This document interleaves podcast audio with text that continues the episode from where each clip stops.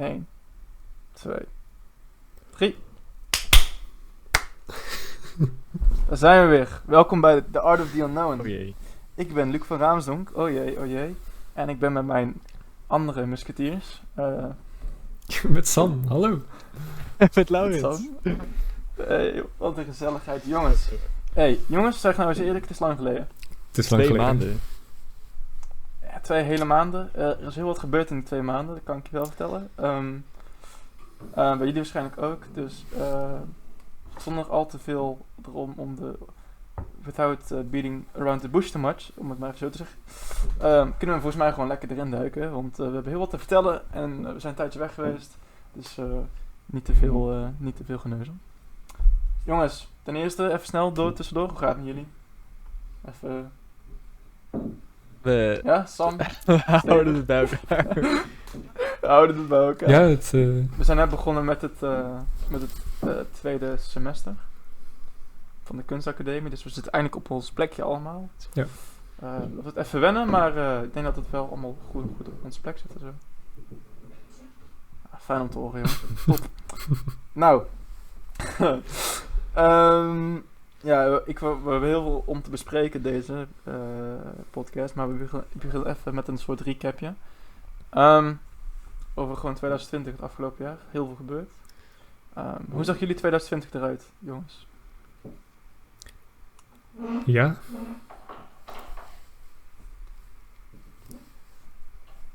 Kijk, yo. Ik zou het Sam oh, ging vertellen. beginnen. Oh, oh Dat is ook ja, eerst. Sam, begin. Ja. Ja, ga je gang. Ga je gang. ja, 2020. Het was eh, een gek jaar, maar dat zeg ik altijd. Ehm, nou ja, eigenlijk, het was, 2020 was voor mij echt een heel erg goed jaar. Ehm, echt een heel erg goed jaar eigenlijk. Ondanks de corona in, eh, in maart en de lockdown en dat alles veranderde. Eh, ja, bracht het ook voor mij persoonlijk heel erg veel teweeg. Dat ik ook mezelf heel erg heb ontdekt eigenlijk. Ehm, in maart eh, was ik klaar met de middelbare school. Want de eindexamens gingen niet door. Dus ik had in één keer zomervakantie in maart. Ehm, extreem vroeg. Dus dat was heel gek.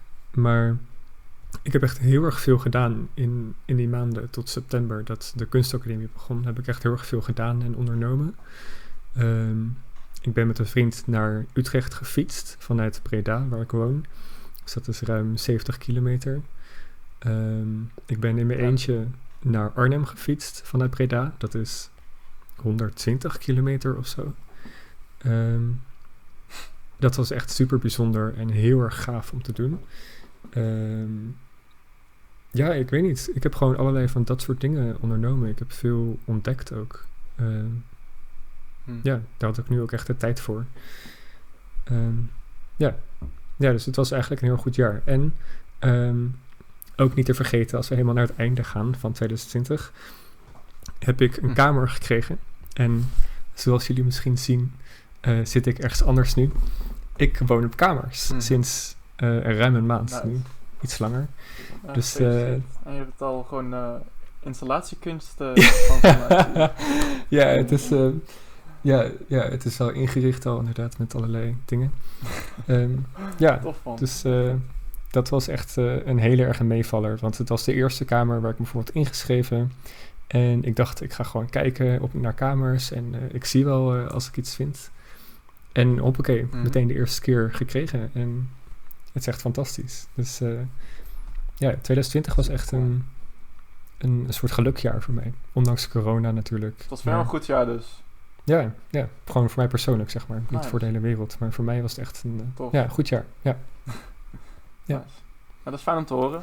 Eh, hoe zit dat bij jou, Laurens? Ja. Dat is een beetje een rollercoaster, denk ik. Ehm, omdat ik, vooral dat ik aan het begin van het jaar echt geen idee had waar ik aan het eind van het jaar zou zijn.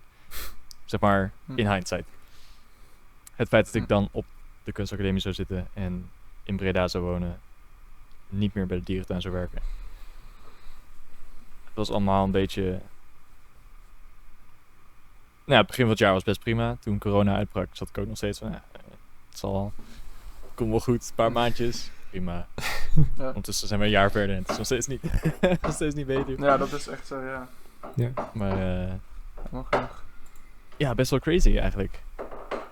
Het is ook zo snel gegaan. Ja, Je zou denken dat in de maanden dat je helemaal niks te doen hebt, dierentuin is dicht. Nou ja, goed, je hebt gewoon helemaal niks te doen. Dat je dan een super langzaam leven leidt, maar ik vond juist het tegendeel eigenlijk.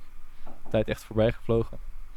Opeens allereerste introductie van de kunstacademie, überhaupt dat ik toegelaten werd. Toen kamers moest gaan zoeken, want 2,5 uur reizen is niet echt te doen. Introductie, Discord servertje gemaakt, jullie ontmoet. Half jaar later, we're still here. ja.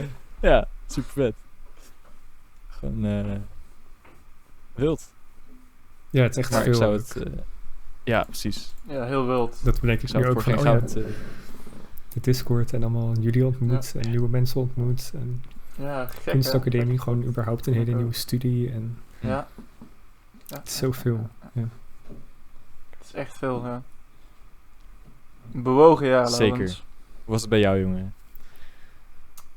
Nou, ik denk dat het dat, dat bij, jou, bij mij een beetje aansluit op jou. eh, een beetje van Sam en van jou een beetje combinatie. Ehm, ik moet trouwens nu even tussendoor zeggen, sorry als er geroezemoes in de achtergrond is. eh, er zijn wat verbouwingen aan de gang en ik eh, kan het echt niet vermijden. Mijn excuses. Ehm, ik hoop niet dat het stoort, maar goed, dat terzijde. Ehm een bewogen jaar. Eh, dit jaar heeft mij net zoals bij Sam heel veel gegeven. Ik, als ik terugkijk, zoals Laurens al zei, het is heel gek. Ik had nooit gedacht dat ik zeg maar, hier zou zitten nu met jullie op het... Ja, we zijn nu al een maand verder als, als, als januari, maar het is, het is gek om over na te denken dat ik een jaar geleden nog gewoon op een middelbare zat grafische vormgeving te studeren. En dat ik alleen maar kon nadenken of kon dromen dat ik ooit op een kunstacademie zou zitten. En dat ik daadwerkelijk met getalenteerde, leuke mensen, nieuwe, nieuwe vrienden, eh, ja, een podcast zou hebben bijvoorbeeld. Of, een mooie film zou kunnen maken of zo, weet ik, ik zeg maar iets. Ehm, nou, om het even af te breken, eh, begin 2021, eh, sorry, 20, eh, begon ik eigenlijk mijn fotografie serieus te nemen. Dus fotograferen doe ik niet serieus, doe ik niet super lang, pas een jaar, twee jaar. Eh, nou ja, goed. En toen begon het balletje te rollen en toen kwam corona en dacht fuck, toen ging het in één keer niet meer. Eh, en toen ging het in één keer allemaal inderdaad op, op, een, op, een, op een tempo van, je weet wel, en elke gewoon zoveel mogelijk gedaan. En ja, dat, eh, dat, ging, dat ging zo door tot het begin van het schooljaar, of eigenlijk voor de vakantie. Eh, en toen kwam de Discord in één keer en dat veranderde een beetje mijn bubbel. En eh, dat heeft me ook heel veel geholpen dit jaar, denk ik. Discord. En ook natuurlijk bijvoorbeeld mijn vriendin en zo. Maar, ehm, nee, jezelf omringen met, heel, met fijne mensen heeft, heeft dit jaar ook draaglijk gemaakt. En daar was Discord zeker ook deel van. Eh, dus dat was echt een fijne addition op mijn leven. En natuurlijk de kunstacademie. Dat begin je en dan, dan ben je in één keer, word je in één keer vrijgelaten. En dan, eh, ja, dan, kan je doen wat je wilt. In tussen haakjes natuurlijk. Maar, en dat, ehm, ja, dat was voor mij echt een, echt een snoepwinkel of zo. Want ik, ik graaide overal naartoe en het ging, het ging lekker gewoon. Het gaat nog steeds lekker. Eh, natuurlijk wel af en toe een beetje een dipje, maar dat hoort er gewoon even bij. Eh, dus ja, ik denk, het is een heel bewogen jaar inderdaad. Maar eh, erg tof. Ik vind het een heel tof jaar. Nice. Ja, je kan ook van tevoren nooit echt bedenken wat er gaat gebeuren. Je hebt wel plannen, je grote plannen als dus naar de kunstacademie gaan. Ehm, ondanks dat dat misschien ook vaag kan zijn en spannend, want je weet niet of je wordt aangenomen. Maar toch Ja. ook er zoveel wat er gebeurt en zoveel onverwachte dingen ook. Dus die Discord groep met allemaal mensen van de kunstacademie die in één keer bij elkaar kwam. En dat ik er onderdeel van was. En dat ik in één keer al gewoon goed bevriend was met mensen voordat de studie überhaupt begonnen was. Ja, precies. Ja, dat Dat, echt dat had ik echt crazy. nooit gedacht. Want ik ben heel verlegen normaal. Dus ik dacht echt van, oh ja, vrienden maken en zo. En we moeten nog even kijken hoe dat gaat. Maar dan dat er zoiets komt, ja, dat is echt ongelooflijk. Dat je van tevoren ook nooit echt had kunnen Dat bedenken was- of zo. Ja. Nee, dat is ook zo. Daar ben ik het met je eens. Dat is een enorme, een enorme, ja, enorme winst voor de mensen. Ik denk ook in de Discord dat je al het jaar begint met een soort van Ja. vrienden. En dat je elkaar kent. En dat je op elkaar kan leunen als een keer feedback nodig heeft. Of eh, afleiding. Of weet je wat. Dus dat was echt een goede toevoeging. Ja, dat ben ik met je eens. Ja, hey. Ja. hey, nee, maar nu wou ik nog een, ik wou even een opvolgvraag stellen, want ik, Mhm. eh, ik was even aan het wachten tot hij naar huis gesproken was. Ehm, ik hoor alleen maar mooie dingen gelukkig, dus dat is fijn. Zijn er ook momentjes geweest in 2020 waar je zoiets had van, eh, dat ging even niet zo lekker? Hmm. ja tuurlijk. Tuurlijk. Ja, tuurlijk, maar ik, ik, ik zou, als je, als je het wilt delen natuurlijk, een specifiek voorbeeldje. Want ik denk dat mensen die luisteren, ja, doen, iedereen zijn jaar eh, zal iets moois hebben, maar ik denk ook dat er heel veel mensen zijn die bijvoorbeeld eh, het heel zwaar hebben gehad dit jaar. Ja.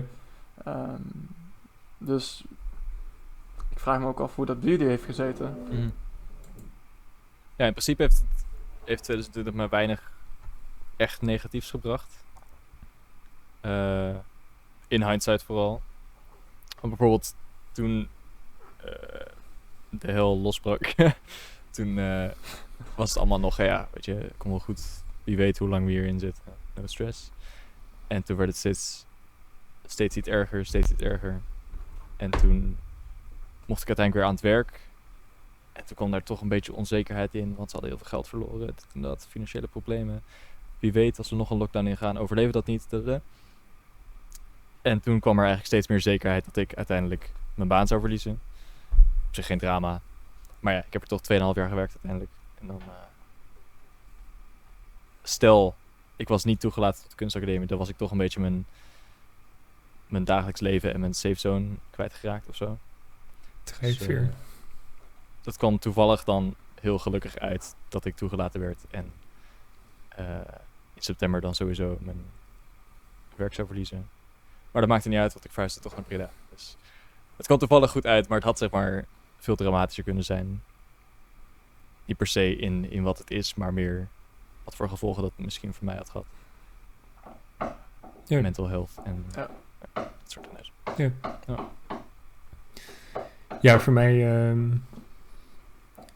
ja, er zijn natuurlijk ook echt wel moeilijke periodes geweest. Ik weet, eh, dat ben ik vergeten te zeggen, maar ik heb het ook begin van het, van het vorig jaar, in maart ook volgens mij, heb ik het met mijn toenmalige vriendin uitgemaakt. Dus eh, ik had een relatie van anderhalf jaar bijna. Dus heb ik uitgemaakt. Dat was best wel hectisch natuurlijk ook. Dat is niet niks. Eh vooral na anderhalf jaar niet. Ehm, ja, dus dat was ook echt wel een dip. Ik had het zelf uitgemaakt, dus het was uiteindelijk ook echt wel een goede beslissing. Maar nou, dat is toch lastig en moeilijk en verdrietig ook. Ehm, en toen daarna kwam de lockdown. Dat was twee weken daarvoor of zo dat ik het uit had gemaakt. Ehm, maar goed, daar kom ik dan toch ook wel weer bovenop. En dat vond ik ook eigenlijk ook wel een opluchting. Ik had meer vrijheid en gewoon meer op mezelf en zo. Ehm, en in ehm, juli, juli volgens mij, ja juli, is mijn opa overleden. Waar ik een hele goede band mee had. Eh, hij had Alzheimer. Al, ja hoe lang? Ik denk misschien wel vier jaar of zo. Volgens mij heb ik dat eerder ook al over verteld. Ik weet niet precies, maar hij had echt wel wel een paar jaar Alzheimer. Hij was heel erg achteruit gegaan. En nou ja, dan zit het er op een gegeven moment aan te komen dat hij gaat overlijden natuurlijk. En dat was ook wel, ja, ook wel lastig. Het was ook heel bijzonder. Ehm, want ik was toen naar Buitenkunst. Dat is een camping in Flevoland, volgens mij, in Dronten. En daar doe je allemaal creatieve dingen. En eh, je kan een workshop kiezen waar je dan met een groep de hele week aan gaat werken. En je kan dansen, zingen, theater, schrijven. eh, je hebt muziekdingen. En ik ga er met een, altijd met een vriend heen. Het was mijn derde jaar dat ik er naartoe ging. En ik deed dan BK Beeldlab, dat is beeldende kunst iets. En midden in die week was mijn opa overleden. Mm. En die week is echt super. Daar kijk ik altijd heel erg naar uit. Dat is altijd echt het hoogtepunt of een van de hoogtepunten van het jaar. En toen in één keer overleed hij. En het zat er aan te komen. Dus ik had ook al vooraf bedacht van ja, dat kan gebeuren. En toen midden in die week ehm, moest ik vanuit Flevoland helemaal naar Zeeland. Want daar woonde hij. Dus dat is echt drie of vier uur of zo met de trein, geloof ik. Moest ik daarheen in de ochtend en dan de begrafenis. En ja, dat is natuurlijk super triest en verdrietig. Was ook heel erg mooi om gewoon met de hele familie weer te zijn. En dan weer terug met de trein. En dan ben je weer in één keer op de camping met allemaal mensen en weer terug in die omgeving. Dus dat was zo'n gekke ervaring. Het was echt dat je in zo'n korte tijd ook switcht van superleuk met mensen, met vrienden, naar nou ja, begrafenis van je opa. Waar je een hele goede band mee had. Ehm, ja, dus dat was ook wel ja, super verdrietig natuurlijk en echt wel moeilijk. Ehm, maar ook een hele bijzondere ervaring vond ik het. Dus ik denk, ik heb heel erg in 2020 geleerd dat mindset zoveel betekent. Dat ik gewoon. Ik heb bijvoorbeeld in afgelopen jaren, 2017, 18, 19, vooral 2017, 2018, dat ik echt minder lekker in mijn vel zat. Um, Zo kan ik toen niks opnemen. Ondanks dat er ook echt wel dingen goed gingen en dat er echt leuke dingen waren, voelde ik me ook echt minder goed. Maar dat was heel erg, omdat ik dat zelf deed, zeg maar. Dat was heel erg mijn mindset, dat ik gewoon alleen de negatieve dingen zag. En in 2020 heb ik echt een soort ja, switch gemaakt van dingen meer positiever bekijken en optimistischer, optimistischer zijn en dankbaarder zijn voor alles. En ja, dat heeft zoveel teweeg gebracht en zoveel veranderd ook. Ehm, ja, dus er zijn natuurlijk wel verdrietige en vervelende dingen gebeurd, maar mijn dallen, zeg maar, waren veel minder diep merk ik. Of heb ik gemerkt. Dus daar ben ik ook heel erg dankbaar voor. Ja. En zeg maar, als dat bijvoorbeeld een paar jaar geleden gebeurd zou zijn, dan zou dat uh, veel meer op me hebben ingehakt, als het ware. Dus ja. Ja, dus. Uh, mm, nee, ik, ik, ik ken me heel erg in jouw verhaal eigenlijk. Ik, uh, 2020 was me ook een beetje het jaar. Zoals eerder een podcast al een keer vermeld. Dus ik ik heb niet de makkelijkste jaren gehad voor 2020. En uh, eh, 2020 heeft mij echt ook inderdaad het setje in de juiste richting gegeven. Uh, dus dat, ben ik, daar ben ik heel blij voor. En dat is ook mede dankzij heel veel mensen. Uh, dus dat, dat was heel waardevol. Uh, ik bedoel, zoals je zei, er zijn natuurlijk nog steeds opdallen, maar die zijn dan iets minder diep als van tevoren. Ehm, ook, ik heb ook een grootouder verloren in 2020. mijn oma van mijn moeders kant. Ik was er echt super close mee. Dus dat was een zwaar verlies. Ook niet alleen van mij, maar gewoon van de familie. Want ja, dat is een beetje. Het was een beetje de. Uh, het kampvuurtje of zo van, van de familie. Daar kwam iedereen voor samen, weet je wel. Zij was de verzorger. En dat, uh, dus dat was een zwaar verlies. Um, en dat, dat, dat, dat, dat, dat was tegelijk heel mooi en heel triest. Want uh, ja, zoals bij mijn opa, het ging, het ging heel snel. En je ziet iemand die je dan heel je leven kent, soort van gereduceerd worden tot iets wat ze, nooit, wat ze, wat, wat ze niet horen te zijn. Een soort fragmentje van wat ze waren. En dat, dat is niet waardig om, van dat persoon, weet je wel. Want uh, ik ken mijn oma alleen maar als een hele intelligente, slimme, lievende, liefhebbende vrouw. En dat was haar op het einde ook wel. Maar gewoon een fragmentje van dat. En dat was heel, dat was heel pijnlijk om te zien. Um, dus toen ze uiteindelijk stierf, was het ook al een soort opluchting dat ze niet meer, uh, dat ze niet meer hoefden te lijden daaronder. En de ceremonie was heel mooi uh, in de Sint-Jans kathedraal uh, in Den Bosch. Mocht haar binnenbrengen. Um, en daar werd er ook de ceremonie gehouden. En dat was heel indrukwekkend. Um, dus dat was, dat was een, een, beetje polariserend gebeurtenis. Um, daar heb ik nog wel iets moois aan overgehouden. Ik weet toevallig, ik ben ook altijd wel semi-close geweest met mijn opa. Zeg maar de, de man van mijn overleden oma nu. Um, en die is nu, nu alleen. Um, en die trekt er heel goed zijn eigen, eigen loodje, om het even zo te zeggen. Die, die heeft zelf leren wassen, die heeft zelf leren koken. Die woont nog steeds alleen, maar hij zorgt heel goed voor zichzelf. En dat, dat, dat vind ik super mooi om te zien, dat die man gewoon het goed oppakt en levendig blijft. En uh, naar buiten gaat. En ik heb nu ook steeds meer contact met hem. Hij komt bijna elke week op eten. Uh, ik kan lekker met die man kletsen over kunst en alles. En dat interesseert hem. En hij heeft zelf ook gefotografeerd toen hij iets jonger was. Dus ik lijk heel erg op hem eigenlijk. Eh, dus dat doet me heel erg goed dat hij daar wel niet, niet per se onderbreekt onder dat gewicht. Het is natuurlijk zwaar voor hem, maar hij uh, houdt zich heel erg sterk. Dus dat, vind ik, dat is ook heel inspirerend om te zien. Dus dat was wel een van de zware momenten in 2020.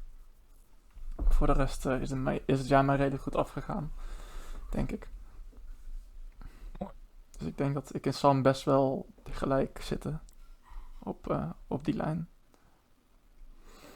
dat is toch wel een interessant gegeven dat, uh, ook al kennen wij elkaar allemaal niet voor, dat we toch wel levens leiden die toch wel symbolisch, toch wel elkaar een soort van spiegel af. Ja, dat is heel bijzonder. Um, ja. Bizar.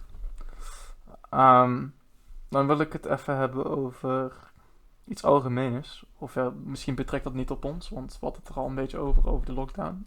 Dat wij daar eigenlijk niet zo heel erg onder uh, moesten zoeken. Ik denk dat we allemaal wel een beetje iets meer afstandelijke mensen zijn. We zijn misschien graag alleen en dat vinden we niet zo erg om binnen te zitten. Althans, dat denk ik dan, dat jullie, als ik jullie een beetje inschat.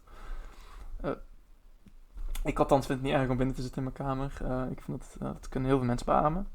Um, maar er, zijn, er zijn heel veel mensen die er niet zo goed in zijn. En die zijn dus heel eenzaam. Of die hebben daar heel moeilijk mee. Um, zeker niet met corona. Um, en waarom ik dit opbreng is omdat ik een, een film die mij enorm geïnspireerd heeft uh, de afgelopen week is I'm Thinking of Ending Things van Charlie Kaufman. Nou, ik heb al over deze film al genoeg gezegd. Maar ik wil nog even. Waarom ik hier precies op kom is omdat een van de karakters een gedicht voorleest in een van de eerste scènes. En dat, dat pakte mij heel erg. En uh, ik zal even een klein versje voorlezen. Het, het gaat over eenzaamheid. Het, het heet Bone Dog en het is geschreven door Eva HD. Uh, lang, lange naam, maar Eva HD is de afkorting. Uh, het is in het Engels, dus ik zal het even snel voorlezen, het eerste versje.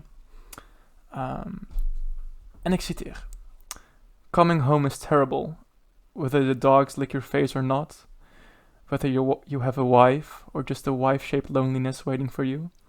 Coming home is terribly lonely, so that you think of the oppressive barometric pressure back where you have just came from with fondness, because everything is worse once you're home. Um, dat is een klein stukje van het, uh, van het, uh, van de poem. Um, en vooral het stukje van coming home is terrible, whether you have a wife or just a wife-shaped loneliness mm. waiting for you. Ja. Um, dat, dat, dat, weet ik niet, dat, dat raakt een soort snaar bij mij. Uh, dus eerst wil ik de vraag stellen aan jullie. Hoe, hoe, hebben jullie daar moeite mee gehad? Met op een bepaald moment met alleen zijn? Ik verwacht niet te veel, maar dat kan het wel. Ik, ik oordeel niet. Uh, en of er misschien mensen zijn die niet luisteren. Wat, wat we hun misschien kunnen meegeven. En of we daar... Uh, volgens mij heeft Sam nog iets wat hij eraan kan vastbinden. Als ik me niet vergis. Uh, later. Oef bent je bent verbaasd? Nee? Ja, het was iets. Maar wat was het ook weer? Oeh, Verras verrassing. Oh, ja, dat was echt een vraag. Nou, dan kan je daar ook even over nadenken. Ja, precies de vraag. Um, hoe, hoe, hoe gaan jullie daarmee om met het alleen zijn?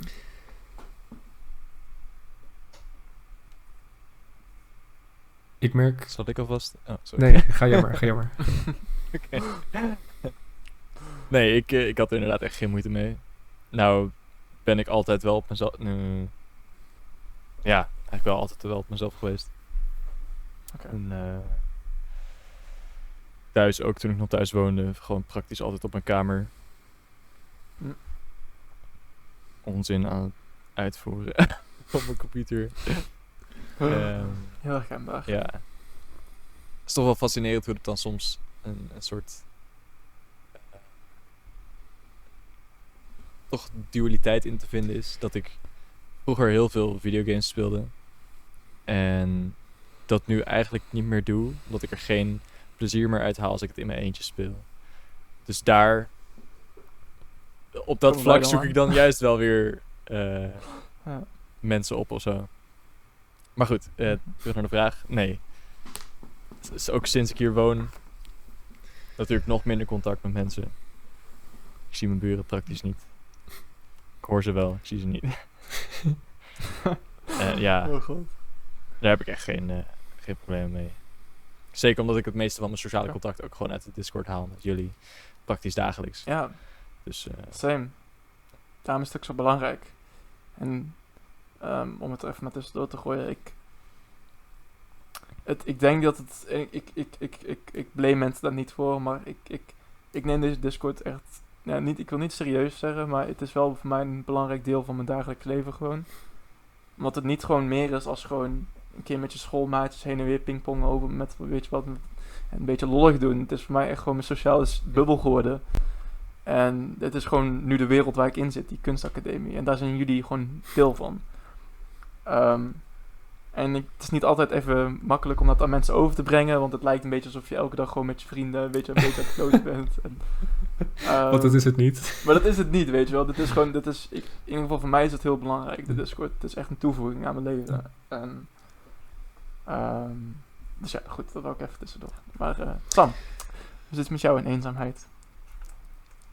Ja, het is heel gek, want ik ben in 2020 meer alleen geweest dan ooit. Maar ik heb me helemaal niet eenzaam gevoeld eigenlijk. Of bijna niet. En ja, zoals ik net dus ook al zei, ik heb een fietstocht gemaakt in mijn eentje naar Arnhem. Toen ben ik vier dagen gewoon alleen geweest. En überhaupt toen in de lockdown en in deze lockdown en afgelopen tijd heel erg veel alleen. En vooral nu ook, als je op jezelf woont, dan zie je nog minder mensen. Maar eigenlijk vond ik dat echt heel erg prettig en heel erg fijn. Heb ik daar heel erg van genoten.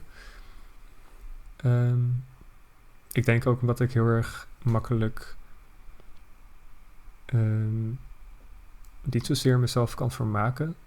Het is meer een soort. Ik wil heel graag dingen doen en ondernemen. Anders dan voel ik me gewoon ja, niet helemaal lekker of helemaal niet helemaal goed, zeg maar. Zit ik niet goed in mijn vel.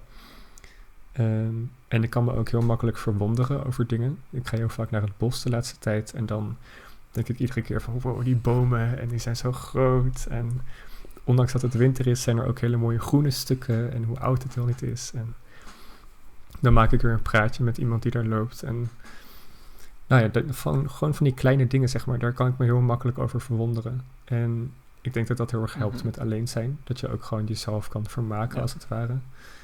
Ehm, of kan genieten van jezelf. Of als je dingen die je meemaakt als je alleen bent.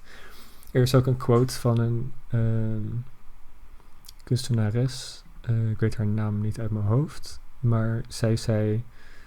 ehm, de mooiste dingen gebeuren als je alleen bent. En ik las dat vorig jaar, of anderhalf jaar geleden denk ik, in een artikel.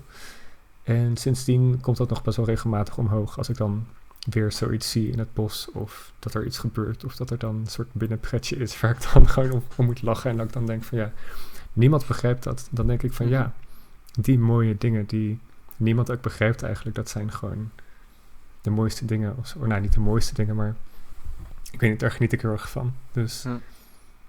Ja. ja, op die manier denk ik wel dat ik me niet snel eenzaam voel. Ja. En ik zoek ook een bepaalde, Nou ja, bepaalde rust en een bepaalde stilte in mezelf. En die kan je ook eigenlijk alleen maar creëren als je ook alleen bent, denk ik. En ja, dat vind ik heel prettig vaak. Dus ik zoek dat ook een beetje op. nee, dan zeg je iets. Dan zeg je iets wat ik, eh, waar ik me bij aansluit. Ik, ehm, ik, ik vind altijd heel veel raakvlakken bij jou als je spreekt, zeg maar. Want ik denk... Ik wil niet zeggen dat wij hetzelfde zijn, maar ik denk dat ik heel veel van mezelf ook terugzie in jou. Op een of andere manier. Oké, Misschien net iets anders, maar ik zie, ik zie vaak dingen van mezelf heel erg terug in jou. Eh, ik weet niet of je dat andersom hebt, hoeft ook niet, maar merk ik soms op dat ik denk van, hé, hey, dat, dat doe ik ook. En dan denk ik van, hm, dat is grappig. zoals? Ehm, maar ik heb ook heel erg behoefte aan stilte en rust. Echt. Ja. eh, ik, ik vind dat extreem belangrijk. En ehm, veel mensen zien dat misschien als asociaal, omdat ik mezelf heel graag terugtrek. Maar ik vind dat, dat is nodig voor mijzelf om mezelf te oriënteren en dingen te verwerken die er zijn Ja. gebeurd. Precies. Ehm, ik heb daar gewoon enorm veel nood aan, want er gaat heel veel om in mijn hoofd. Mhm. En ik zeg heel weinig, dus ik moet dat gewoon heel erg eh, verwerken. Ehm, dus daarvoor heb ik de tijd en de rust en de plek en de vooral plaats nodig. Ehm, nou, ik ben dit jaar misschien wel minder alleen geweest als ooit, dat voor de verandering. Eh, komt omdat ik een vriendin heb, eh, al, een, ja, al langer dan een jaar. En die heb ik dus veel gezien dit jaar. En de jaren daarvoor ben ik heel veel alleen geweest. Ehm, en het is juist nu dat ik, hoe meer ik samen ben, hoe meer ik ook eh, zonder enige ehm offense naar mijn vriendin, hoe, hoe meer ik juist van mijn tijd alleen geniet. Mhm. Ehm, want ik heb dat gewoon echt nodig. En ik geniet heel erg als ik samen met iemand ben. Ehm, maar ik, ik heb dat gewoon echt nodig voor mezelf om te ontwikkelen en te restarten. Ehm, dus alleen ben ik heel goed. En dan is een andere kant van mij die alleen heel slecht is. Want eh, stiekem ben ik ook een beetje een aandachtsvoertje. eh, op een of andere manier. Om maar even zo lullig te zeggen. Ehm, ik heb graag eh, bevestiging. En ik maak graag, net zoals dit. Ik denk dat ik gewoon bepaalde sociale eh, outlets, zoals dit bijvoorbeeld, wel heel erg fijn vind. Ehm, waar ik met meerdere mensen die dezelfde interesses delen gewoon kan praten en dingen kan uitwisselen. Ja. En dat trekt mij ook door. Dat, dat, dat en zelf alleen zijn en dingen verwerken, trekt mij gewoon door mijn dag. Ehm, dus dat is, ik denk dat die combinatie heel belangrijk is van. En gewoon met jezelf heel goed zijn en jezelf je, je weten dat je rust kan vinden en eh, dat, je daar zelf, dat je alleen kan zijn met jezelf. En ook dat je alleen kan zijn met jezelf in een groep mensen. Dat je daar ook gewoon je, je plekje vindt. Ja, ik denk ook. Ehm, dus dat, dat, dat is waardevol, denk ik. Dus ehm, het, ik, het, het is natuurlijk niet dat dat voor iedereen zo werkt. Maar ik, wat ik heb ondervonden is eh, dat het echt, echt heel erg helpt om gewoon jezelf te omringen met een groepje mensen. Hoeft niet heel de dag.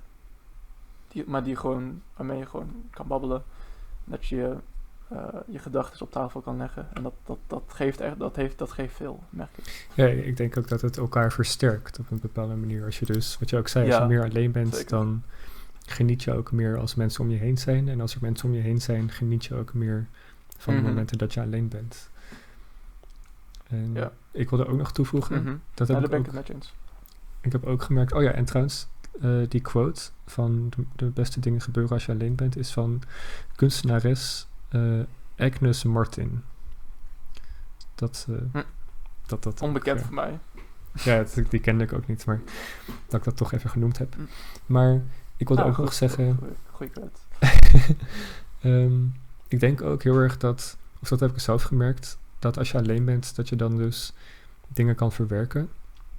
En nu door de lockdown en corona en alles, ehm, voelt het ook alsof de ruis van het dagelijks leven, van naar school toe gaan en dan in van die hele drukke gangen lopen en toch ook heel veel omringd zijn door mensen, dat het voor mij ook als een soort ruis voelde. En als je dan alleen bent en echt je rust hebt, dat je dan pas kan gaan nadenken over wat er in jou gebeurt, zeg maar. Of zo. Dat dat zeg maar elkaar uitbalanceert. En dat, dat er te veel ruis van Ja. buitenaf was, waardoor ik niet meer goed kon bedenken van wat gebeurt er nou in mij en wat voel ik en emoties en allemaal dat soort dingen, Mhm. zeg maar. en als ik alleen ben, dat Nee, ik dat dan weer juist volgens mij inderdaad. kan verwerken. Dus wat je zelf Ja. ook zei. Ja. Ik denk dat dat inderdaad waardevol is. Wat je zegt. Dat die reis, als die reis wegvalt en je bent alleen met je gedachten, dat je dan, dan begint het voor veel mensen juist. Ja, Maar het is misschien belangrijk om zelf eerst die stap te nemen en jezelf alleen te plaatsen met je gedachten. En ehm, dat een beetje uit te sorteren. En dat kan al veel doen, inderdaad. maar dat denk ik ook juist zo Hmm, dat je jezelf ook niet moet verliezen in jezelf en in, eh, Nee. klopt. weet ik veel, eh, eh, dat je gaat piekeren over dingen en dat je jezelf daarin verliest als het ware. Dus, en dat andere mensen je daar juist weer uit kunnen trekken. Dus dat inderdaad de balans tussen omringd zijn door mensen en alleen zijn Mm. ook echt juist is. En dat vinden is Hmm. natuurlijk moeilijk. Ja, het is echt trekken en duwen inderdaad. Het Ja. is een beetje die balans vinden. Ja. En dat, je gaat het nooit helemaal perfect vinden, maar het is Het goed om te streven ernaar, soort van. Ja. Volgens mij had je een kleine aanvulling, als ik me niet vergis, hier, hiervoor. Niet per se over het alleen zijn, maar wel over, als ik me vergis, waar, waar, ehm, hoe houden we ons bezig? Iets in die richting. Ja. Een- ja, inderdaad. Het was, eh, ik had een vraag opgeschreven. Ehm, dat was, hoe genieten jullie van jezelf? En die vraag interpreteerde ik zelf als, hoe genieten jullie van eh, alleen zijn, zeg maar, hoe kon je jezelf vermaken? Maar dat hebben we nu al wel een soort van beantwoord, denk ik. Ja, maar daar dan wel, nog ook weer een toevoeging aan toevoeging is. is dit boek, wederom een boek, en dat heet Stilte. Het is geschreven door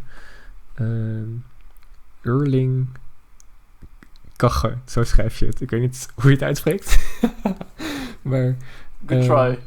Ka- Kage, Kage, ik heb geen idee. Eh, het heet Stilte. Ehm, en het gaat over stilte en wat stilte precies inhoudt en waarom het ook eh, belangrijker is dan ooit. Het staat op de achterkant, die drie vragen. Mhm. Ehm, en het is dus ook heel erg toepasselijk in de tijd van nu, denk ik, waarin er dus meer stilte is dan normaal, of dat de stilte meer opvalt dan normaal. En het, het, ik heb er nog, ik denk, drie of vier hoofdstukken in gelezen. Dus ik ben nog helemaal niet ver in het boek, maar het was heel herkenbaar en ook heel mooi om te lezen. Ehm, het gaat over een man. eh, het is eh, dus door die, die Erling Kage, Kage eh, die vertelt over hoe die eh, in zijn eentje ehm, een reis maakt op Antarctica, geloof ik. Waarin hij naar de Zuidpool toeloopt in zijn eentje. Ehm, En dat hij daar vertelt over de rust en de stilte. En nou ja, wat dat allemaal teweeg brengt. En dat, dat verwoordt hij zo mooi dat ik ook denk van ja, als je alleen bent dan... eh, hij zegt bijvoorbeeld dat de sneeuw eh, verschillende kleuren kreeg, omdat hij... Dat is het enige wat je ziet, zeg maar. Dus dan ga je ook de details zien in van die kleine dingen. En dat eh, de sneeuw ook ehm, stil werd op het moment dat het wind, windstil werd. Dat de wind ging, dat de wind ging liggen. Sorry. Ehm, en in het boek staan ook twee citaten waarin hij twee andere mensen citeert. Ehm, de eentje is, of de ene is van een eh, dichter John Vossen. En ehm, hij vertelt dan dat hij een dichtbundel heeft gekregen. En dan zegt hij: Vlak voordat ik het licht uit wilde doen, las ik nog de volgende woorden. Er is een liefde die niemand zich herinnert. Wat bedoelde hij hiermee? Een onzichtbare liefde die ergens sluimert? Had hij het eigenlijk over de stilte? Ehm, ja, dus daar citeert hij. eh, er is een liefde die niemand zich herinnert. Dat vond ik heel erg mooi. En interessant om over na te denken ook, want dat voelde zo herkenbaar of zo. Dat ik dacht van ja, Ja, dat, dat is er ook. het is echt zoiets zo. nostalgisch. Ja. Het is, het, het, er is altijd zo'n... Ik weet ook niet meer wie precies weet heeft gezegd, maar... Iemand heeft mij ooit verteld dat er... Er zijn mensen die je ziet en die doen je denken aan... ehm, die doen je denken aan iemand die je vergeten bent. Maar je weet niet wie of wat of hoe. Ehm, dus dat vind ik... Dat vind ik die, kan je nog eens zeggen, die citaat over die liefde? Even gewoon dat ik hem goed in mijn hoofd heb. Er is een liefde die niemand zich herinnert. Ja. Nee, het was anders. Eh, iemand zei ooit van... eh, sommige mensen laten mij denken aan dingen die ik vergeten ben. Zoiets was Mhm. het. En dan denk ik van... Ja, dat is zo waar, maar... Ik kan het je niet uitleggen, maar het is gewoon zo. Ehm, het is allemaal een soort melancholische nostalgie die we allemaal een beetje hebben... naar lang verloren ideeën, geuren, smaken, beelden, geluiden. Ja, Ehm, dus dat, vind ik, dat vond ik een hele mooie. Het is ook wel grappig dat je dat zegt, want ehm, het is ook wel toevallig dat we dan toch ook weer overeenkomen, zeg maar. Ik heb ook een gedicht geschreven waarin eh, een soortgelijke zin voorkwam. Eh, namelijk, je doet me aan iets denken wat ik intussen al lang vergeten ben. Eh, en dat had ik geschreven aan de hand van mijn opa, die dus is overleden met Alzheimer. Dus dan vergeet je dingen, dementie. Ehm, Hm. dus ik dacht Mooi. dat dat voor hem ook wel zo zou zijn. Dat er dingen zijn en dan doet het hem aan iets denken wat hij intussen al lang vergeten is. Dus hij weet niet meer goed wat het is. Ehm, ja, dus daar moest ik aan denken toen ik ook deze zin las. Er is een Hmm. liefde die niemand zich herinnert. Nee. Ja, nee, dat is, dat is mooi dat je dat zegt. Ik, eh, er, er is een liedje geschreven door een band die ik al duizend keer heb genoemd. Het heet In Absence, heet dat liedje. Het gaat ook over mensen met eh, cognitieve geheugenverlies. En dus gewoon mensen met geheugenverlies en Mhm. problemen eh, eh, die ziek zijn. En eigenlijk gaat het liedje erover dat er iets heel moois is in juist door, omdat die mensen het vergeten, juist dat persoon te zijn dat er is. En je weet dat ze morgen misschien niet weten wie jij bent, of dat ze je naam niet weten. En dat doet zeer. Maar het feit dat je er elke dag weer bent en naast dat bed staat en zegt van hé, hey, ehm, bijvoorbeeld om het van jou even actueel te maken, hey, ik ben Sam, ik ben je kleinzoon. Juist dat is, dat is super mooi en heel sterk dat je er toch naast die mens staat en elke ochtend tegen hem, haar, haar of hem kan zeggen van ik ben er nog, weet je wel. Ik kom hier elke dag.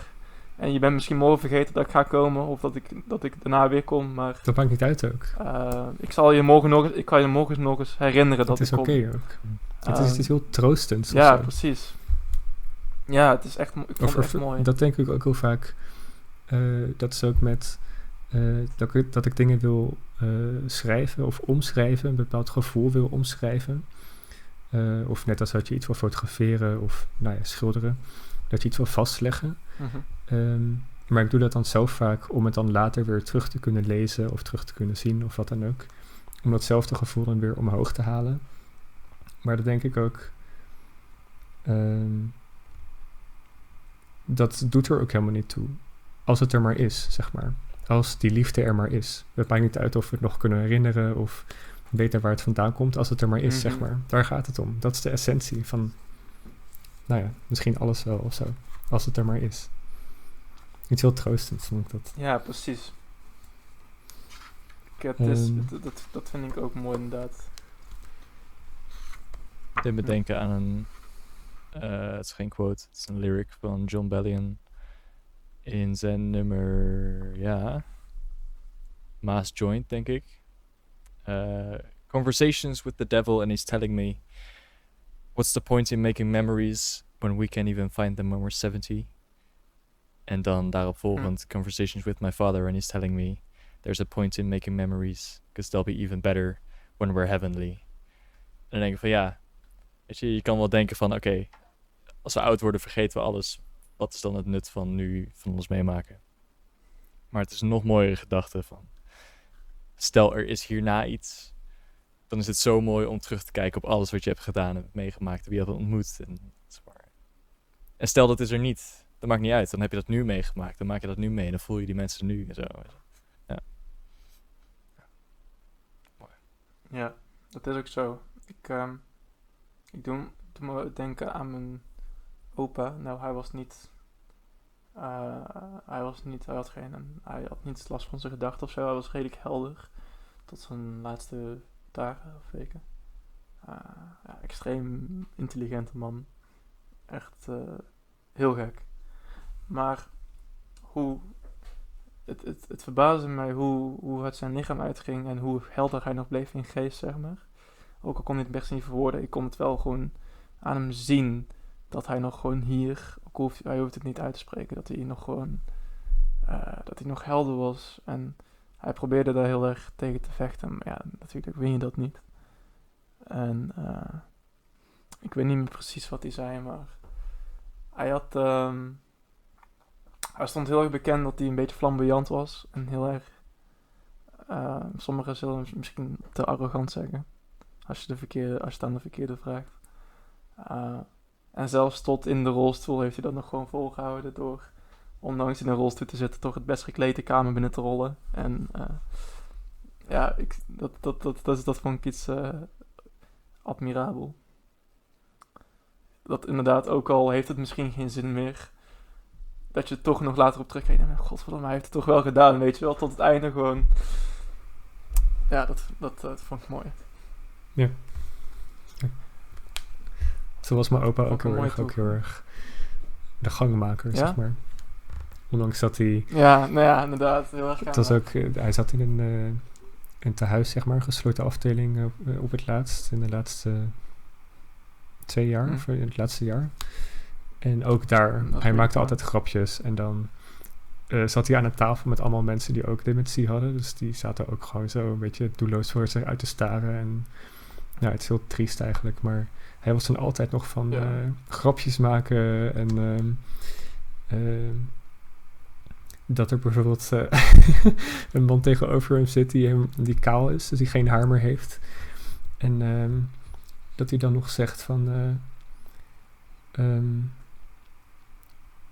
ja, je hebt ook eh, het haar voor je, voor je gezicht of zo. Je kan ook moeilijk zien. eh, of eh, je moet ook weer eens naar de kapper of zo. Gewoon echt dat soort domme grapjes, maar dat hij dat dan nog steeds doet. En ja, dat is ook prachtig. Ja.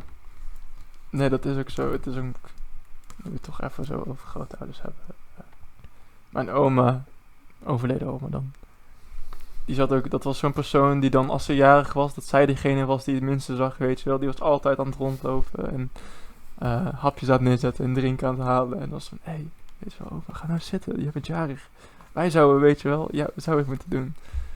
Ehm, ja, mijn opa ook oneindig grappig tot het, toen het, dan, tot het, tot het nog kon. Ja.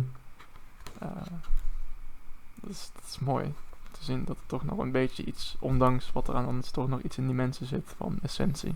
Ja, dat blijft ook. De essentie blijft, of de kern blijft. De liefde blijft. Dat denk ik altijd. Blijft. De liefde blijft. Amen. Vind ik mooi, ja. Amen. Ja.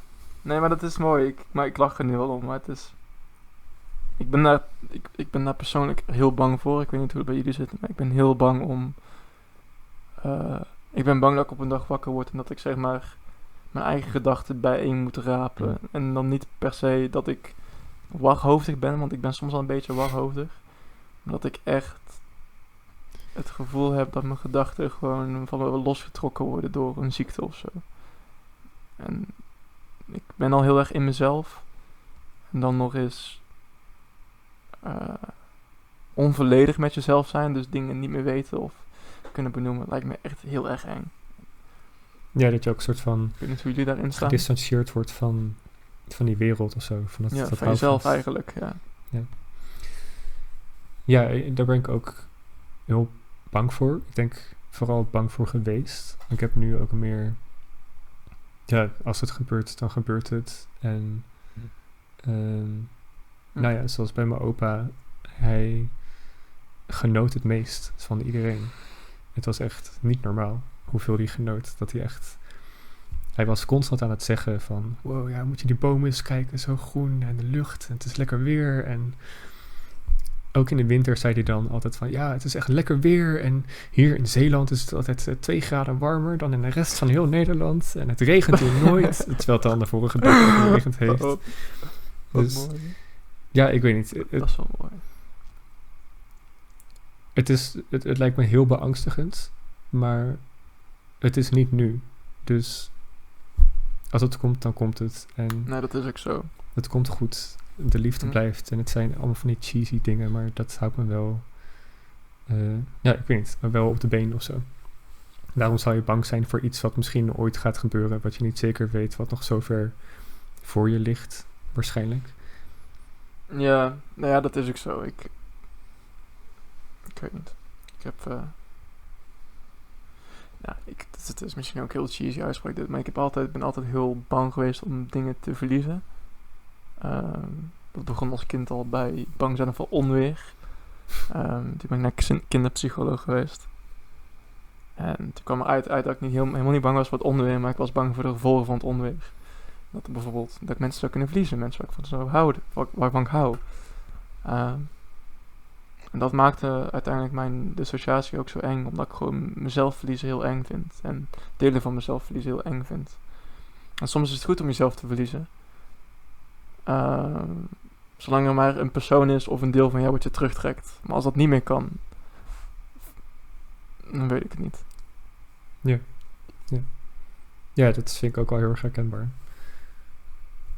Maar op de een of andere manier, ik was er vroeger veel banger voor dan dat ik nu ben. Ik weet niet precies Hm. wat er is gebeurd, maar ik weet niet, ik heb er toch een bepaalde vrede of rust in gevonden of zo. In hoeverre dat kan natuurlijk.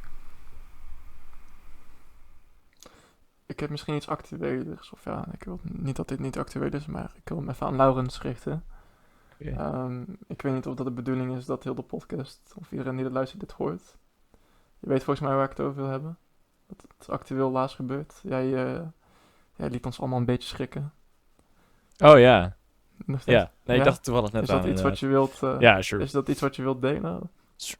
Ja, dat is aan jou om te delen, dat is niet aan mij, maar... eh, ik, ik, ik, als je het wilt delen. Ehm, dan moet ik dit even linken aan waar we het net over hadden. Nou ja, het, mijn vraag was meer van, heeft dat jou een soort inzicht gegeven dat je Mhm. misschien bang was? Of heeft je meer vrede meegegeven of zo? Inzichten. zeg. Nee, ik denk dat mijn...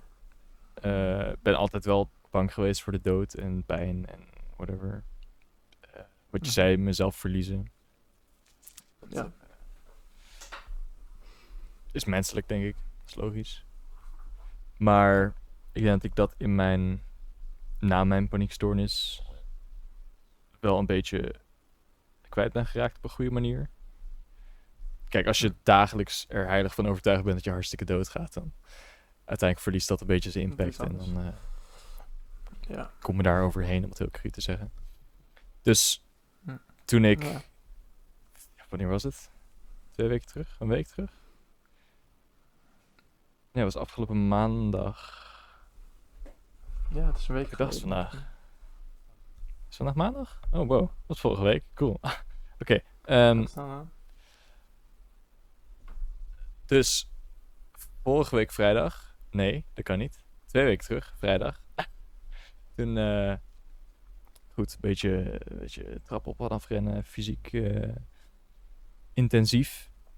Ehm, pijn op de borst, echt, echt pijn, zeg maar. Ik ben wel gewend aan steekjes hier en daar. En, eh, daar ging mijn stem. Eh, steekjes hier en daar en eh, Ja. af en toe een hartklopping hier. Maar nooit echt, echt pijn. Dus dat was super vreemd. Even gaan zitten, even uitgerust. Ehm, uiteindelijk weer geprobeerd. Weer mijn hartslag omhoog gekregen. En weer echt pijn op de borst. Ja, goed, gestopt. Prima, zakte weer weg. Chill. Maar het is nooit meer naar... Nooit meer, dat klopt niet. Nu wel. Maar het is... In die dagen tot maandag is het niet meer echt weggezakt naar nul. In het ziekenhuis werken ze met van die, van die pijncijfers. Nul is niks. 10 is gruwelijk pijn. Ehm, het zat steeds een beetje steady op een 2, 3 is. Net irritant. Je denkt van, ah, er zit iets niet goed, maar het is niet Ja, erg genoeg om te zeggen van, oké, ik bel een ambulance. Nou goed, daar drie dagen mee rondgelopen. Ehm, nou heb ik een familiair genetisch, ja, wat is het, een deficiency? Nee. Ik heb Aandoening? ja, aandoening, dat is een hele goeie. Hm, Zeg maar, genetisch bepaald te veel cholesterol in mijn bloed. Ja, cholesterol is een vetonderdeel. En dat eh, te veel cholesterol in je bloed, en als je er niks tegen doet, dan gaat dat zich afzetten tegen de bloedvaatwanden. En dan vooral in je, je kransslagaders. Nou goed, als je kransslagaderwand langzaamaan nauwer wordt, komt er minder bloed doorheen. En als er geen bloed meer doorheen komt, dan houdt je hart ermee op. dat is, Een goede Simpel, samenvatting. ja. dus daar heb ik eh, al, nou, ik denk tien jaar of zo eh, preventief medicatie voor. Maar dus wel reden genoeg om me meer zorgen te maken over dit soort dingen dan de gemiddelde mens. Mhm. Dus uiteindelijk Ja. mijn ouders gebeld s'avonds. eh maandag dan vorige week. Dat ik dacht van ja, ik loop hier nu al zo lang mee rond. Ik moet hier even eh, misschien toch iets aan doen. Ik stond echt op het punt om de spoedeisende hulp te bellen. Eh, toen zei mijn moeder echt super nuchter van ja, waarom doe je dat niet? Doe, bel gewoon. Wat fuck. Doe gewoon, ja. Dus eh, ik opgehangen, huisartspost gebeld, daarheen gegaan met de bus, want mijn fiets is gegijzeld in een fietsenstalling door de lockdown. Allemaal goed. Naar het ziekenhuis, daar gepraat met een super chille kerel, super nuchter ook, maakte zich allemaal geen zorgen, kwam allemaal goed. Ehm, uiteindelijk op basis van de, de checkjes daar en het gesprek dat we hebben gehad, toch doorgestuurd naar de spoedeisende hulp. Nou ja, eerste harthulp. Dus dat is dan hartspecifiek Mhm. in het ziekenhuis. Daar aan de machines gegooid, bloed afgenomen, alles gecheckt. en niks gevonden. Hm. Dus het is een raadsel wat het wel is geweest, maar het was mijn hart niet. Dus dat, is, eh, dat was ook heel raar geweest, zeiden ze al. Van, je bent 21, de kans dat het nu je hart is, is zo klein. Maar we gaan het toch even checken. Nou ja, goed. Nou, is goed. Ja. Dus, eh, maar dat, ja, dat, eh, voor het feit dat ik toen ik daarop terugkeek van, oké, stel het was wel mijn hart geweest, dan was ik aardig dichtbij de dood. Dichter bij de dood dan ooit, zeg maar. maar voor, voor dat feit was ik echt best wel chill en ook echt niet zenuwachtig om daar naar binnen te lopen of zo. If anything was het daar een, een fijnere plek om te zijn dan ergens anders. Omdat je weet, stel er gebeurt iets, dan kan ik beter hier in het ziekenhuis zijn dan thuis of op Ja. straat of zo. Dus dat, eh, Hm. Maar dat was een eh, ervaring, ja. Een ervaring Dat rijk. kan ik me indenken.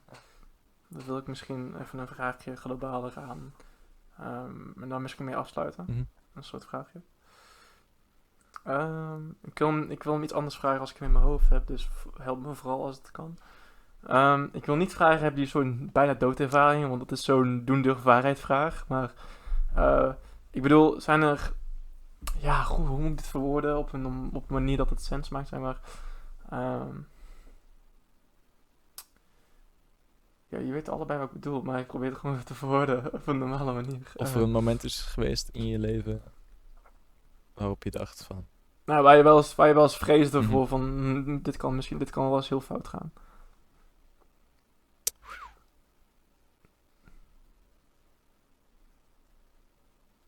ehm, Het is, een, het is geen makkelijke. ik denk, het eerste wat in me opkomt, om maar verder te gaan met mijn dramatische verhalen. Mhm. Ja. Nee, mag. Tuurlijk, ga je gang, ga je gang. Eh, wat was het? 2018, denk ik. Kwam ik net uit mijn, eh, zeg maar, april 2017 was het, denk ik, tot eh, na de zomer 2018. Was een beetje mijn anxiety-periode met paniekstoornis en psycholoog en hele zooi.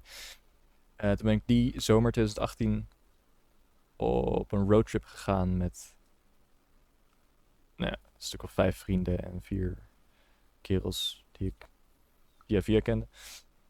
Ehm, en dat was zo'n gruwelijk grote stap van dat hele jaar binnen zitten en eigenlijk het huis niet uit durven, omdat je nou er heilig van overtuigd bent dat het moment dat je wakker wordt, je doodgaat.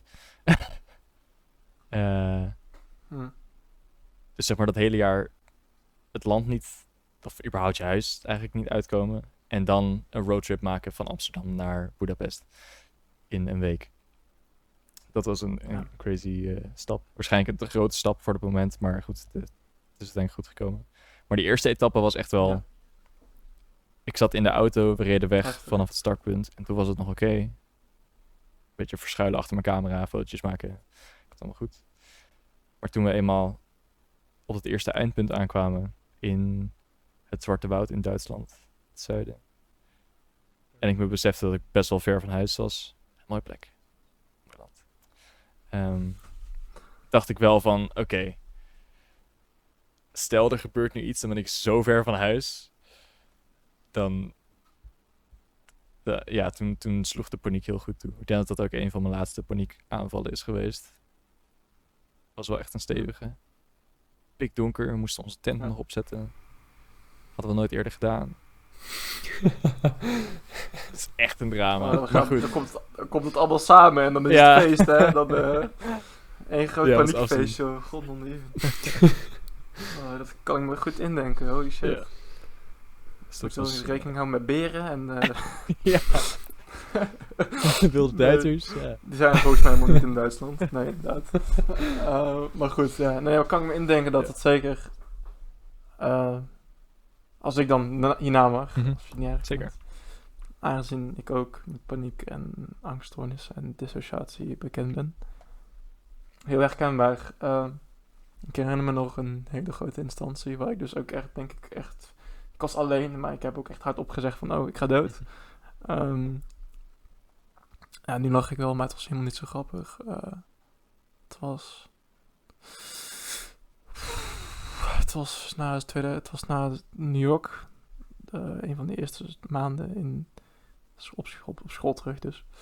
Eh, nou, dat was... eh, Om, voor de mensen die het misschien nog niet helemaal meegekregen. In New York ontwikkelde eigenlijk een soort van dissociatie en paniekstoornissen. Of angst, eh, paniekaanvallen. En waarom weet ik nog steeds niet. Maar dat gebeurde gewoon in één keer op een, een of ander moment. En toen is het ook eigenlijk nooit meer weggegaan. Nou goed. En toen op een gegeven moment. Uh, ik was alleen thuis, denk ik. Of ik was gewoon alleen. En ik had me heel die week al met een soort zwaar gevoel gelopen. Alsof iets op mijn borstkast lag. En ik weet niet, het voelde gewoon heel zwaar om te ademen. En uh, het, het, ik, zat gewoon, ik zat gewoon diep, laat ik het zo zeggen.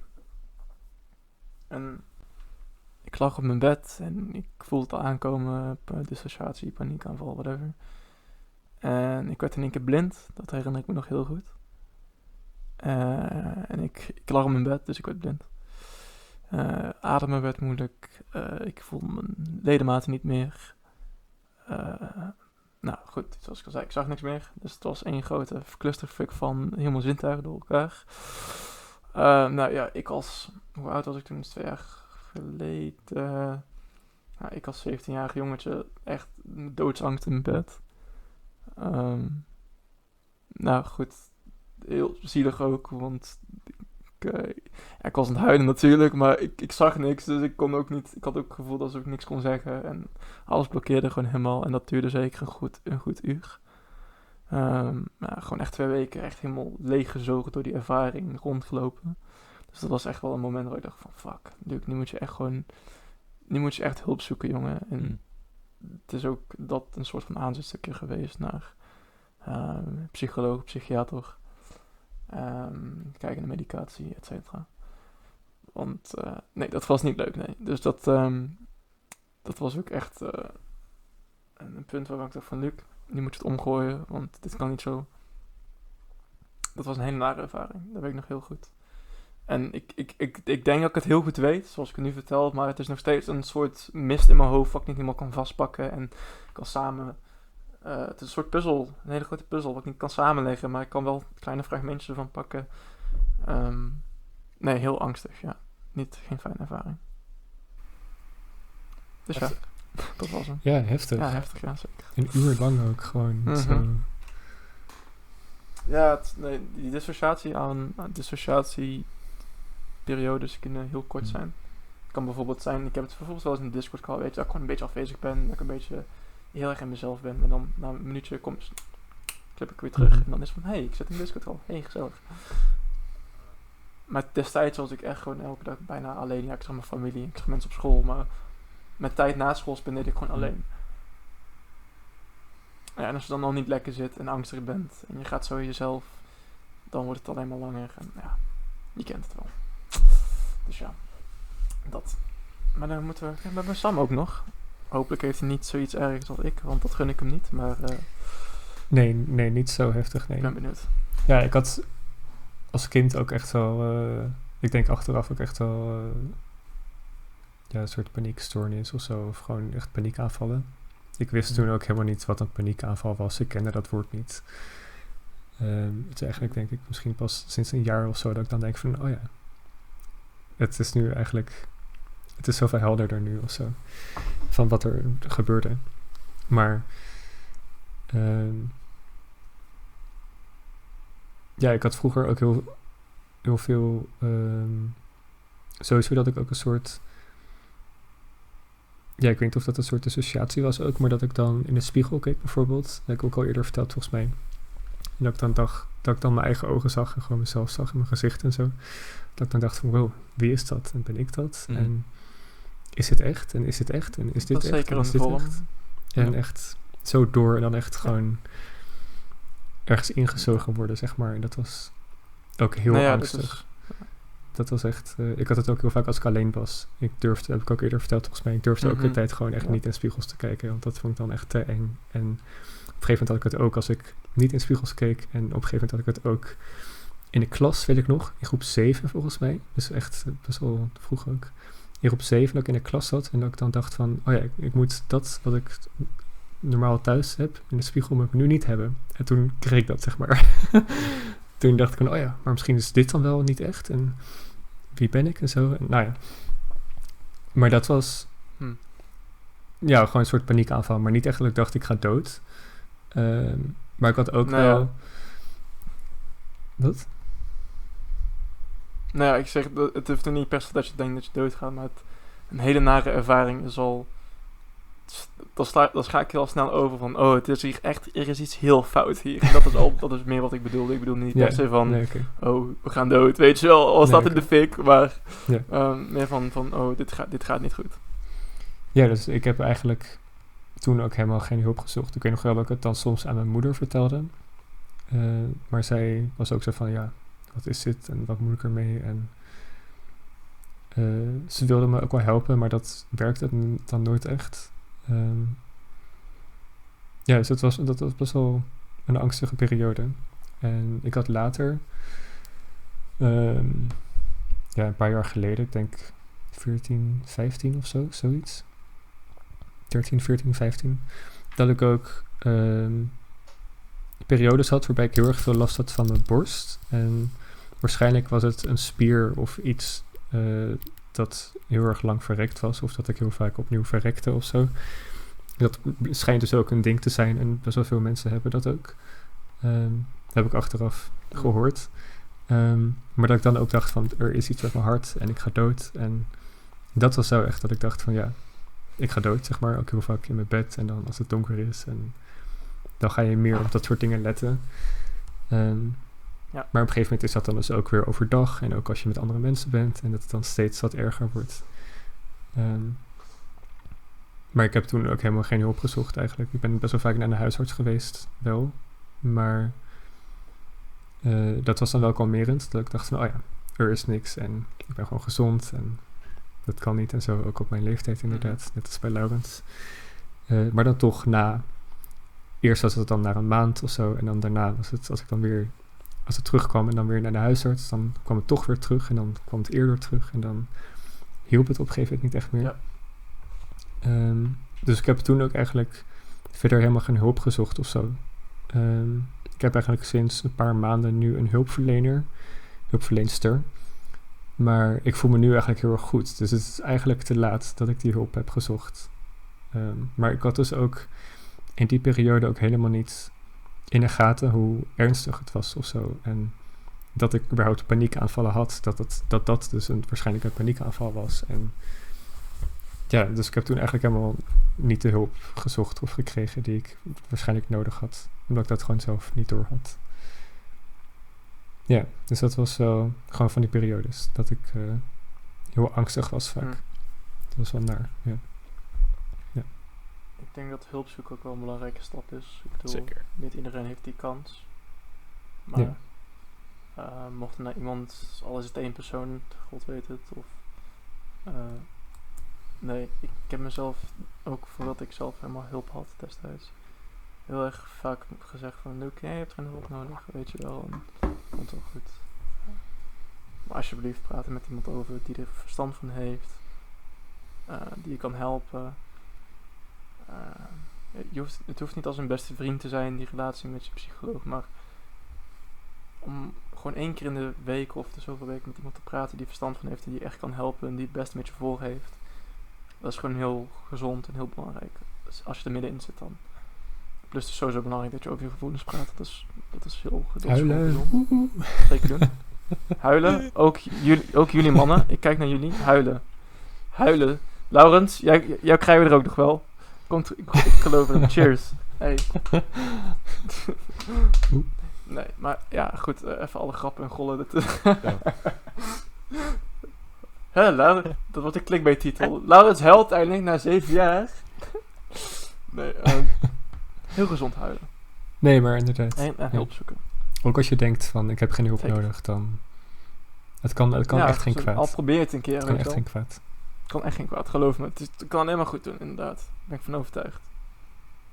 Uit mijn ervaring dan. Zeker. Professionele hulp is altijd goed. Oh mannen, ik kijk naar de knok en wat zie ik? Half elf. Wow. Nou, dus toch, ik, ik vond... eh, ik denk dat we langzaam misschien gaan afsluiten. Het was een heftige... Ja, Ja. heftig. Het was een geladen episode, denk ik.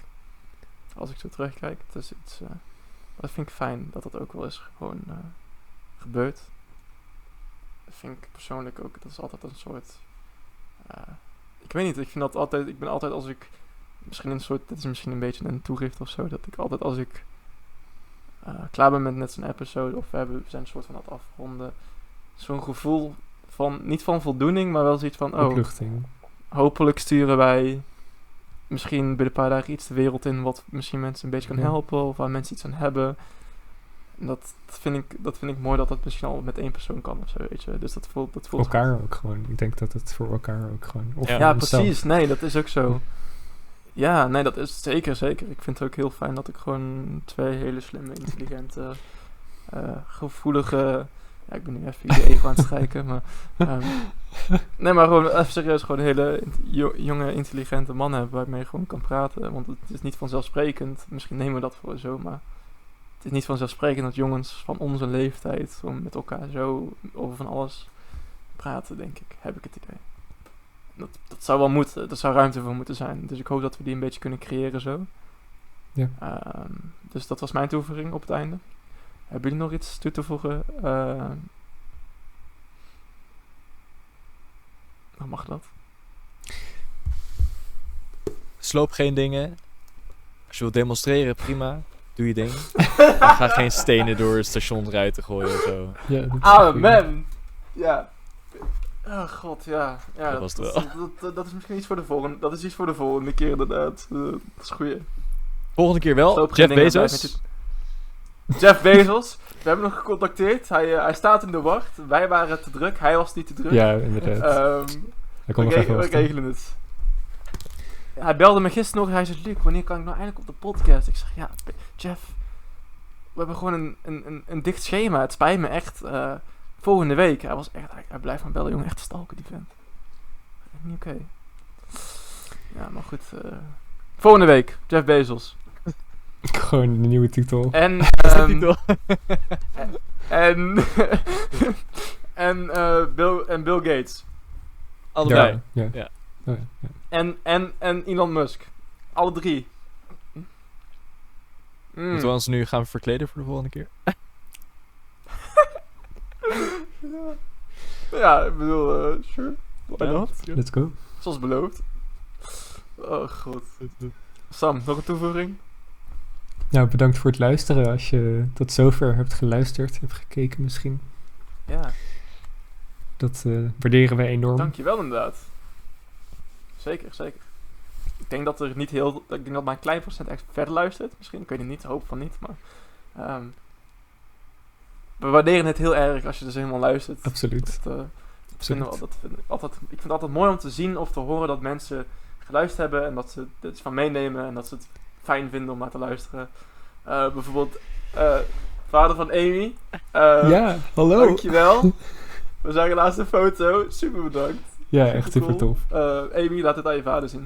Ja. En ieder- natuurlijk, al de rest die kijkt, super bedankt. Super tof. Ja, vind- dit vinden we. Dat, ik, ik denk niet dat we echt een soort van woorden daarvoor hebben dat we dat gewoon super tof vinden. Dat mensen naar ons luisteren. Dus bij deze heb ik mijn deeltje ge- gezegd. Dankjewel voor het kijken.